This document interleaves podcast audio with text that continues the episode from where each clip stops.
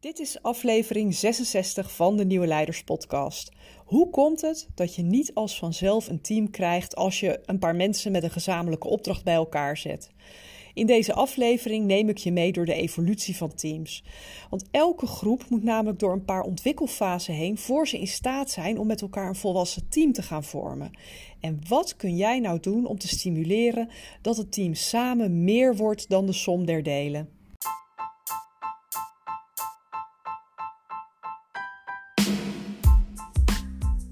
Nieuwe tijden vragen om nieuw leiderschap. Mijn naam is Petra Kuipers en vanaf deze plek neem ik je mee op onderzoek naar hoe we nieuwe vormen van leiderschap kunnen ontwikkelen in organisaties, in teams en niet in de laatste plaats bij onszelf.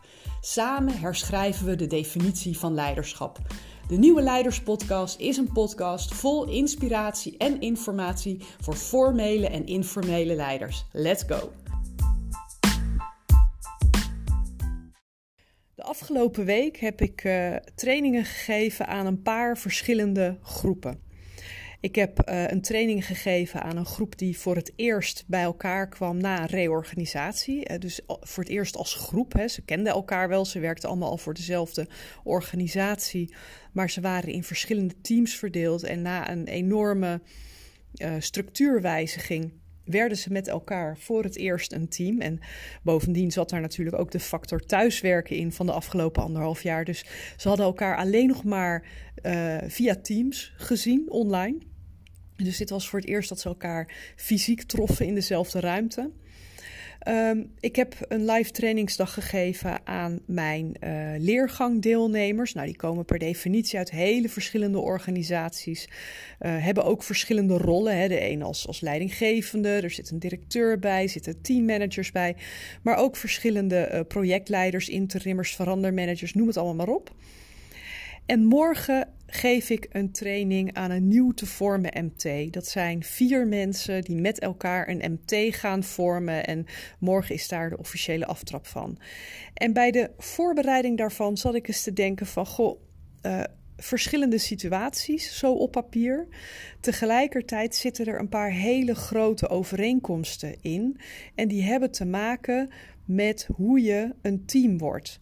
Want Ehm, de misvatting die ik nog vaak hoor is: zet mensen bij elkaar en ze zijn een team.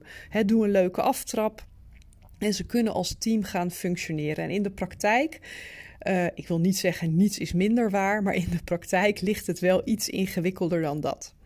Dus dat is waar ik je uh, in deze aflevering uh, mee doorheen wil nemen. Hoe maak je nu van een groep mensen een team en wat voor natuurlijke fase kom je daarbij tegen? En um, ik, ik, nodig je ook uit om eens naar jezelf te kijken. Hoe je bijvoorbeeld, de, nou ja, als je, als jij een nieuwe training meedoet. Hè, je, je hebt je opgegeven voor een opleiding, je kent de mensen nog niet. Je komt de eerste ochtend binnen in het trainingszaaltje. Hoe voel je je? Wat doe je? Um, uh, hoe, hoe ga je in contact met anderen? En hoe stel je de eerste uren van die training op? En hetzelfde is als je nieuw in een team, uh, in een nieuwe baan komt bijvoorbeeld. Of als um, uh, Uh, op een nieuwe klus komt. Wat gebeurt er dan? En um, teams die nieuw zijn, uh, dat wil niet betekenen, uh, dat betekent niet dat het een team is dat nog niet eerder bestond.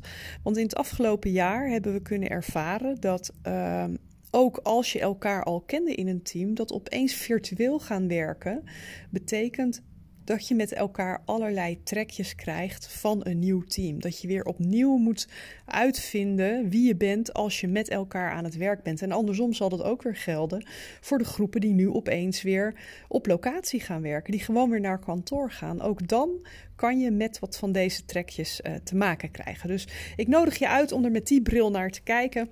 En laat ik je meenemen door de fase waar zo'n groep doorheen gaat. En er zijn heel veel, of heel veel, er zijn een aantal hele bekende modellen uh, die uitleggen hoe, hoe teamontwikkeling gaat. Maar ik wil hem vooral heel praktisch maken. Want we kennen allemaal wel de Tuckman-benadering. Ik heb zelf meer een, een soort systemische.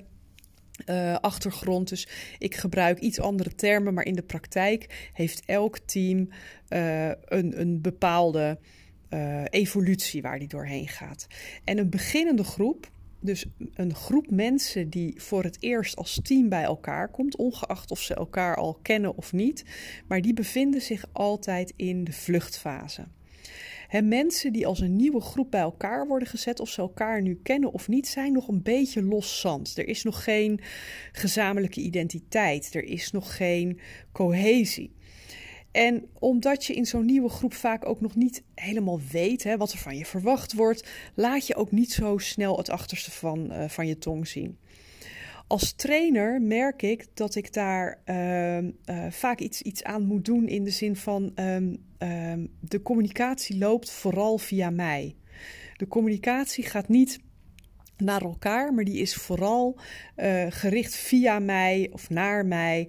En uh, er ligt dus een rol voor mij als leider of begeleider uh, weggelegd om mensen ook wat meer naar elkaar te laten kijken.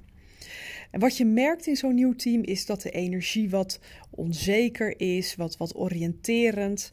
En uh, dat betekent voor degene die daar de begeleiding in doet, dat het belangrijk is om misschien wat uh, wat, wat duidelijker te zijn, misschien zelfs bijna een beetje directiever te zijn dan normaal in je aard uh, zit. En dat bedoel ik niet als bazig of autoritair, maar wel, uh, nou ja, laat ik het eerste, de eerste training die ik uh, deze week deed als voorbeeld geven. Wat ik normaal gesproken niet doe, is naambordjes neerzetten. Maar dit was een, sowieso een grote groep, dus dat, dan is het voor mij al handig om namen te weten. Maar dat helpt mij ook om mensen de beurt te geven. Hè? Om echt een vraag te stellen van... joh, Thomas, hoe kijk jij daarnaar? Of joh, Linda, uh, reageer daar eens op. Of hoe zit dat voor jou? Op die manier zorg ik dat iedereen erbij betrokken is en laat ik andere mensen weer op die reactie reageren, zodat er vanzelf wat meer interactie komt en ik een soort ja, buitenboordmotor ben die zorgt dat mensen wat meer met elkaar in gesprek gaan. En die, die duidelijkheid, die, um, um, nou ja, die, manier van begeleiden, die wat, wat directiever is dan je normaal gewend bent, maar ook het maken van heldere kaders, zorgen dat er heldere besluiten worden genomen, dat is wat een team in deze fase nodig heeft om te ontspannen. En ze kijken daarvoor in eerste instantie naar de leider. Of dat nou een formele leider is of een procesbegeleider. Um, om te kunnen ontspannen is het nodig om die duidelijkheid erin te brengen.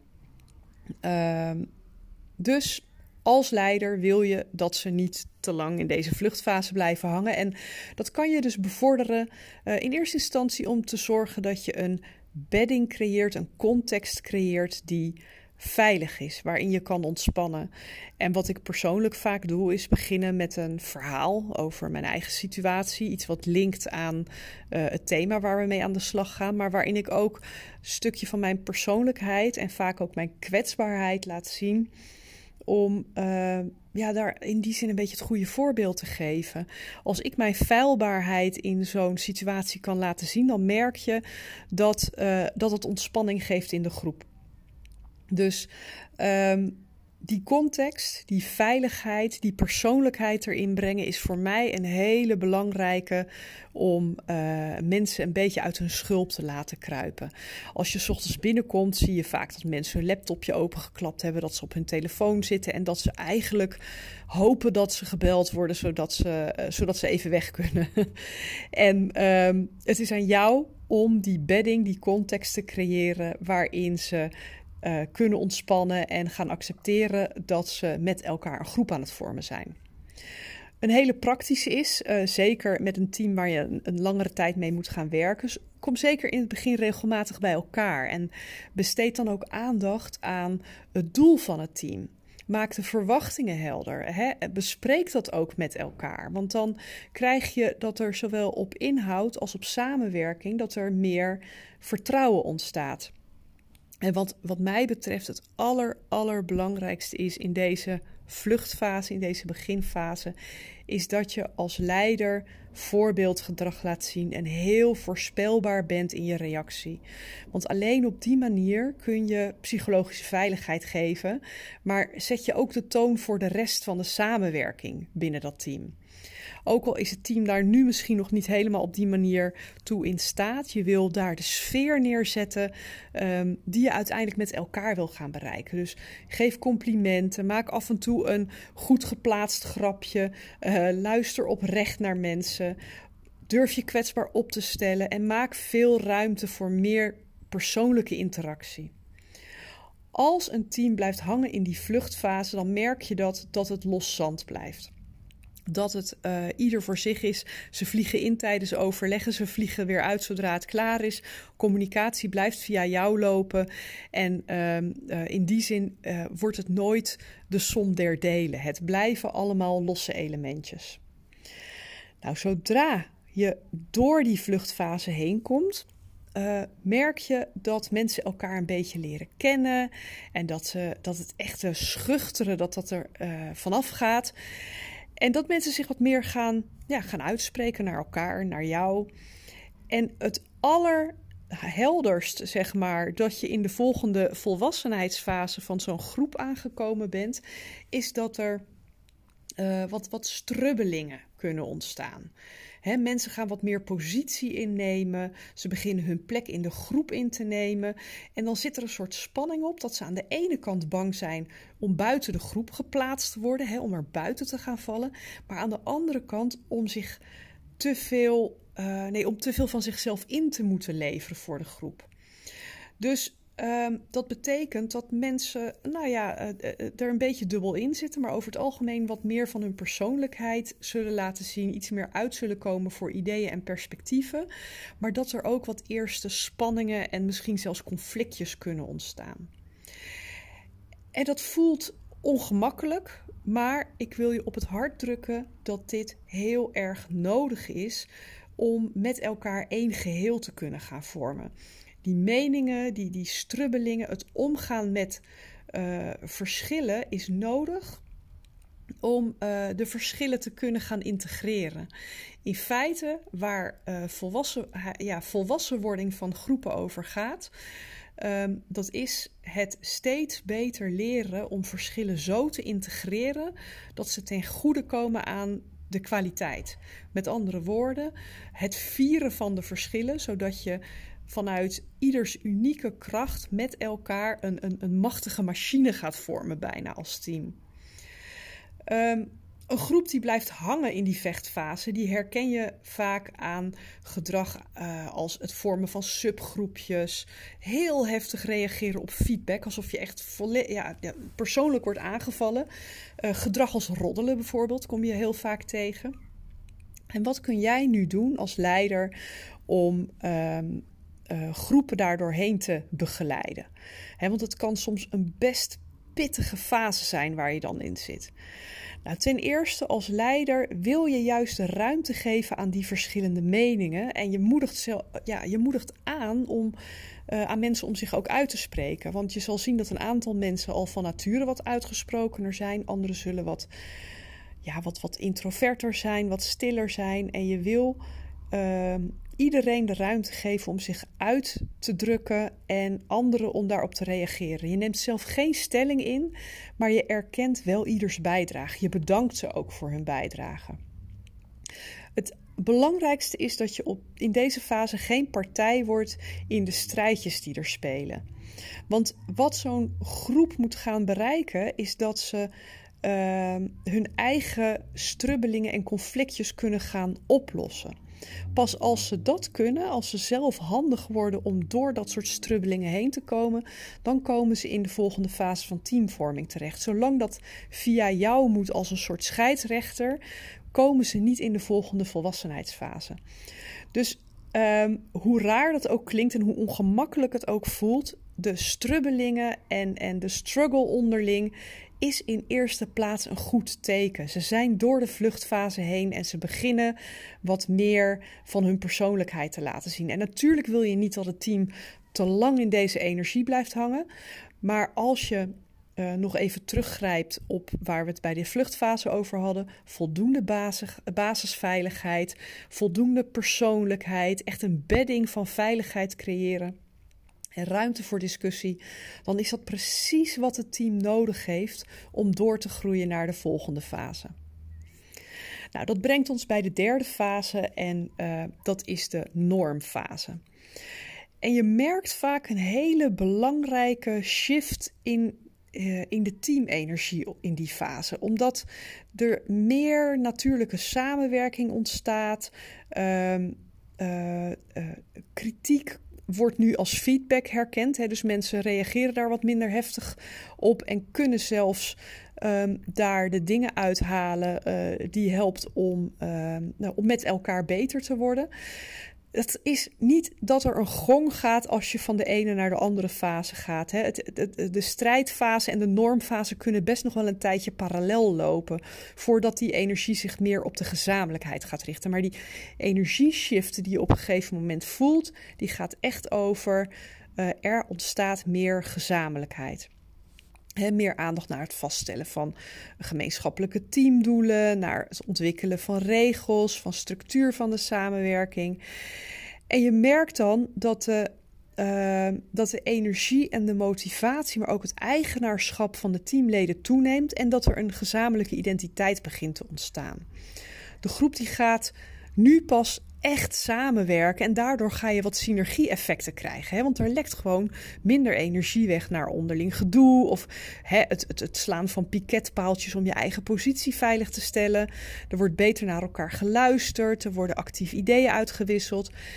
Dus je ziet dat er meer betrokkenheid is. Betrokkenheid bij elkaar, bij het team als geheel, bij het doel waar het team voor staat, bij de purpose. Als een groep te veel blijft steken in deze fase, dan merk je dat ze heel erg naar binnen gekeerd zijn. Dan zijn ze vooral heel erg bezig met het proces van wat gaan we nou doen en hoe doen we dat, zonder dat ze echt in, uh, in actie komen. Ze zijn vooral bezig met zichzelf en niet met de buitenwereld. En het, het heeft wat navelstaarderigs. Nou, als leider is deze uh, normfase uh, het moment dat je wat meer autonomie aan dat team kunt geven. Hè? Wat meer ondernemerschap. Dat heb je ook nodig om met elkaar wat meer positieve uh, uh, teamenergie te genereren. Als mensen autonomie hebben, terwijl ze ook al wat, wat samen doen, zeg maar, dan merk je dat het een hele positieve vibe geeft. Dus als je eerder nog een beetje in dat directieve zat, dan neem je nu meer de rol van meewerkend voorman aan. Je participeert, maar je laat de, de teugels iets vieren, zodat het team ook echt de eigen verantwoordelijkheid en het ondernemerschap kan gaan pakken. Tegelijkertijd blijft het belangrijk om momenten te creëren, te organiseren, om samen te reflecteren en te leren van hoe doen we de dingen? Zijn we nog met de goede dingen bezig? Kloppen onze processen? Kunnen we dingen slimmer doen? Want dat zijn ook de momenten waarin het team zich verder ontwikkelt en uh, de gezamenlijke identiteit nog verder verstevigt. Nou, als je eenmaal door deze fase ook weer heen bent, dan kom je als vanzelf in de prestatiefase terecht. En die kenmerkt zich heel erg door verantwoordelijkheid, zowel voor het halen van resultaten als voor elkaar, ook voor de teamleden. Het is veilig genoeg om fouten toe te geven. Um, uh, je kan continu reflecteren en verbeteren. Dat wordt een soort ingesleten gedrag. En um, ja, in, in, in systemisch denken noem je dat de fase waarin uh, de groepsenergie volledig wordt ingezet voor de taak of de opdracht. Dus waar je bij die eerdere drie fases ziet dat er nog energie is voor wat is nou mijn plek, uh, hoe doen we het hier, uh, wanneer doe ik mijn werk goed, nou ja, dat soort dingen, kan hier alle energie worden gericht op het met elkaar uh, samenwerken. Dit is natuurlijk de fase waar je met je team zo snel mogelijk naartoe wilt. Of je nu een projectteam hebt, of je, je bent leidinggevende, of je bent, zoals ik, uh, trainer. Maar je hebt altijd iets van die voorgaande fase nodig. En door je op een bepaalde manier op te stellen, kan je een groep daar redelijk vlot doorheen uh, leiden. Maar in de praktijk zal het uh, van groep tot groep verschillen hoe lang dat duurt. En voor een training is het natuurlijk iets minder belangrijk om er echt een hele hechte volwassen groep van te maken. dan uh, wanneer je met elkaar voortaan een, een afdeling vormt. Maar weet dat als jij als leider continu die, die context blijft creëren, waarin je eigenlijk de ruimte geeft om de volgende de fase te laten ontstaan, dan uh, uh, kan je er zo vlot mogelijk doorheen uh, rollen. En natuurlijk, hè, uh, het hoeft geen maanden te duren. Met de goede interventies en de goede begeleiding ga je er relatief vlot doorheen. Maar het is wel belangrijk om continu te blijven kijken van waar kunnen we dat nog verdiepen? Waar kunnen we nog verder groeien in onze ja, teamsynergie? En waar hebben we misschien nog puntjes laten liggen waar, uh, die aandacht verdienen? Dus uh, voorkom de verleiding dat als je eenmaal uh, een volwassen team hebt, dat je niet meer gaat kijken uh, hoe doen we het eigenlijk. Dat je stopt met reflecteren en dat je het op de automaat gaat doen. Want juist dat continu even, ehm, eh, nou ja, of niet continu, maar regelmatig even op de agenda zetten van waar zijn we mee bezig? Um, doen we nog de goede dingen? Zijn er dingen die we anders handiger, slimmer kunnen doen? Dat maakt dat je met elkaar als team kan blijven groeien. Nog een paar slotdingetjes uh, voordat ik deze aflevering uh, ga afronden. Um, weet dat als er uh, verschuivingen zijn in het team, dat het altijd kan zijn dat je weer uh, een stapje terug kan doen in die teamfases. Dus als er wat nieuwe collega's bij komen of er vertrekken wat mensen, um, uh, dan kan het zijn dat je weer even opnieuw moet gaan kijken in welke fase zijn we daardoor terechtgekomen. En zeker als het team wordt aangevuld met nieuwe mensen, um, dan zal er weer een reflex zijn om positie in te gaan nemen. Dus dan kan het zijn dat je weer wat fases terugvalt. Maar dan zal je er ook wat vlotter doorheen rollen. Dus dat is er eentje. Um, uh, een andere uh, uh, om rekening mee te houden is dat je zelf natuurlijk ook onderdeel bent van dit systeem. Dus weet dat het heel normaal is dat als jij ook als leider zelf nieuw zit in een team, bijvoorbeeld hè, dat team wat ik morgen ga trainen als MT, ehm, dat jij zelf niet immuun bent uh, voor, die, uh, ja, ja, voor, die, voor bijvoorbeeld een vluchtreactie of voor een, uh, een strijdreactie. Dat hoort er allemaal bij. Daarom is het zo goed om af en toe even met een afstandje te kijken van hé, hey, wat gebeurt er nu en wat is er nodig om met elkaar naar de volgende fase toe te groeien. Nou, daarmee wil ik hem gaan afronden. Hoop informatie over je uitgestort. Ik hoop natuurlijk dat het waardevol voor je is. En ik uh, hoor je heel graag bij de volgende aflevering van de Nieuwe Leiders Podcast.